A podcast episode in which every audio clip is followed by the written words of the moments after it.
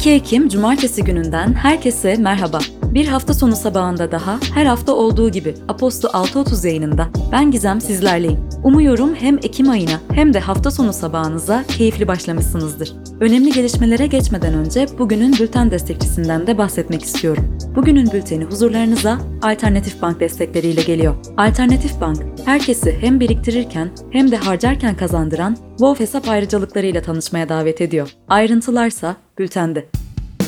Haftayı geri sar. Cumhurbaşkanı Erdoğan ve Rusya Devlet Başkanı Vladimir Putin bir buçuk yıl aranın ardından Rusya'nın Soçi şehrinde bir araya geldi. Putin, görüşme çok yararlı ve önemliydi derken, Cumhurbaşkanı Erdoğan görüşmeyi verimli olarak değerlendirdi. İstanbul Büyükşehir Belediyesi'nin İstanbul'da bin yeni taksinin hizmete açılmasına yönelik teklifi UKOME toplantısında 9. kez reddedildi. İBB'den Orhan Demir, taksi sorunu yok demek, bu sorunu görmemek, rüzgara karşı yürümek gibi bir şey. İstanbul'un taksi sorunu var dedi. Yurt ve ev fiyatlarına uygulanan zammı protesto eden öğrencilerin oluşturduğu Barınamıyoruz hareketi 24 ilde eylemini sürdürdü. Hafta boyunca polis müdahalesiyle karşılaşan grup yaklaşık 80 kişinin gözaltına alındığını, bazılarının serbest bırakıldığını bildirdi. Almanya'da gerçekleştirilen 2021 federal seçimlerinde Sosyal Demokrat Parti %25,7 oyla seçimi kazandı. Onu %24,1 ile Hristiyan Demokrat Birlik ve Hristiyan Sosyal Birlik İttifakı takip etti. Ülkede hükümet kurma çalışmaları başlarken bu sürecin aylarca sürebileceği belirtiliyor.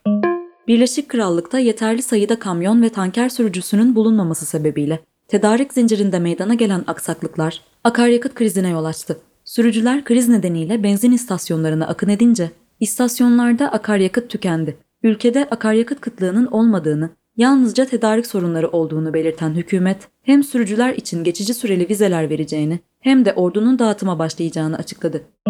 Ekvador'un Guayaquil şehrindeki bir cezaevinde çıkan kavgada yüzden fazla kişinin yaşamını yitirdiği, en az 80 kişinin de yaralandığı belirtildi. Devlet Başkanı Guillermo Lasso, rakamların artabileceğini işaret etti ve ülkedeki tüm cezaevlerini kapsayan olağanüstü hal ilan edildi. Günün hikayesi Bugünün hikayesi film ekimi ve film ekiminin bilet fiyatlarına yönelik eleştirileri konu ediyor. Şimdi sizlerle bir kısmını paylaşmak üzere olduğum yazıysa şöyle diyor. Ekim, İstanbul'da, Ankara'da ve İzmir'de festival ayı. 2002'den bu yana sinema severlerin iple çektiği bir etkinlik olan film ekimi.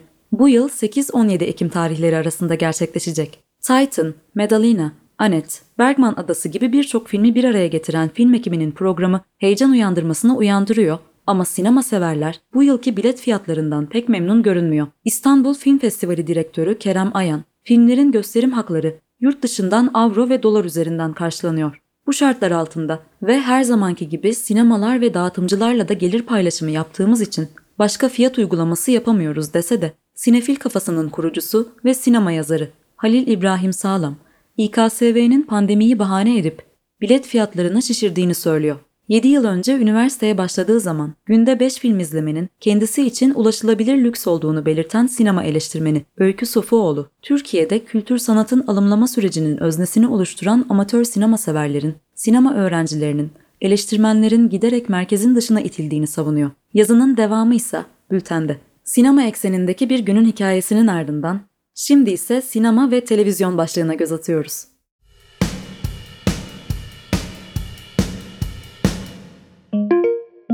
Cannes, Berlin, San Sebastian ve birçok uluslararası festivalde ödüller kazanan sürgündeki yönetmen Behmen Kubadi, akademiye açık bir mektup yazdı. Kubadi, mektupta sürgündeki sanatçıların da ödül töreninde temsil edilmesi gerektiğini dikkat çekerken, akademi üyesi olmasına rağmen Türkiye ve İran gibi ülkelerin sürgünde olduğu için kendisini temsilci olarak Oscar'a göndermeyeceğini söyledi.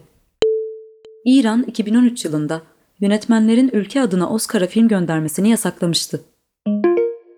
Scarlett Johansson ve Disney Black Widow'un hem sinemada hem de Disney Plus'ta yayımlanmasından sonra Johansson'ın şirkete açtığı dava kapsamında anlaşmaya vardıklarını açıkladı. Anlaşmanın ayrıntıları gizli tutulurken Johansson, gelecek yıllarda şirketle işbirliği yapmaya sıcak baktığını söyledi. Oyuncunun Disney yapımı Tower of Terror projesine de devam edeceğine işaret edildi. James Bond serisinin 25. filmi No Time to Die, açılış gününde yaklaşık 6,8 milyon dolar hasılata ulaştı. Gece yarısı gösterimlerine 30 binden fazla kişinin katıldığı filmde 15 yıl boyunca Bond karakterine hayat veren Daniel Craig seriye veda etti. Gastronomi Dünyanın en büyük kahve zinciri Starbucks, Şili'de vejetaryen menüsünü Şili merkezli Natco'da üretilen bitki bazlı yeni ürünlerle genişletti. Süt alternatifi ve bitki bazlı etle yapılan sandviçlerin menüye eklendiğini belirten Starbucks, müşterilerin bitki bazlı gıdaya olan büyük ilgisine yanıt vermeyi amaçlıyor. Diageo, Kentucky'de 72 bin metrekarelik, %100 yenilenebilir enerjili, karbon nötr içki fabrikasını açtı.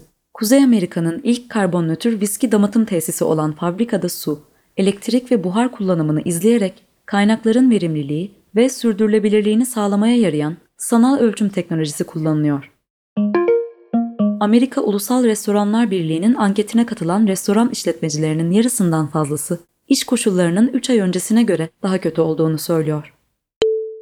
Bu durumun nedenleri arasında Delta varyantı, müşteri talebi ve kısıtlamalar kapsamında tam kapasite açılamamak gösteriliyor. Katılımcıların sadece %9'u 3 ay öncesine göre iyileşme olduğunu söylüyor. Ankete katılanların dörtte üçünden fazlası personel sıkıntısı çektiklerini belirtiyor.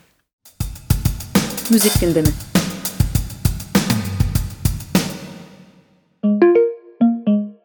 David Bowie, 2000 yılındaki ikonik Glastonbury performansından kısa bir süre sonra stüdyoya girerek Toy isimli bir albüm kaydetmişti. Hiçbir zaman resmi olarak gün yüzüne çıkmayan bu albüm, şimdi yeni ve yeniden kaydedilmiş şarkılarla 26 Kasım'da yayımlanacak.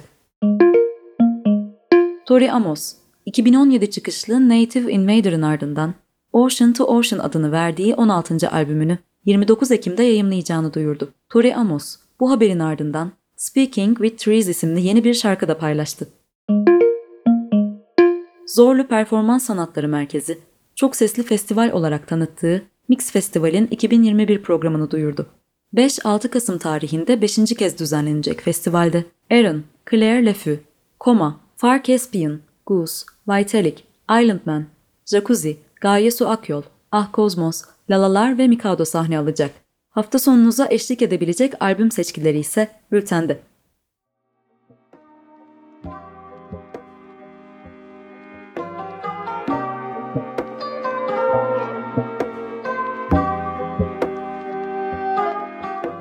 ...2 Ekim Cumartesi gününde Aposto 6.30 yayınında ben Gizem sizlerleydim. Bugünlük de benim için veda vakti. Haftaya tekrar buluşuncaya dek hoşçakalın diyorum. Mutlu hafta sonları.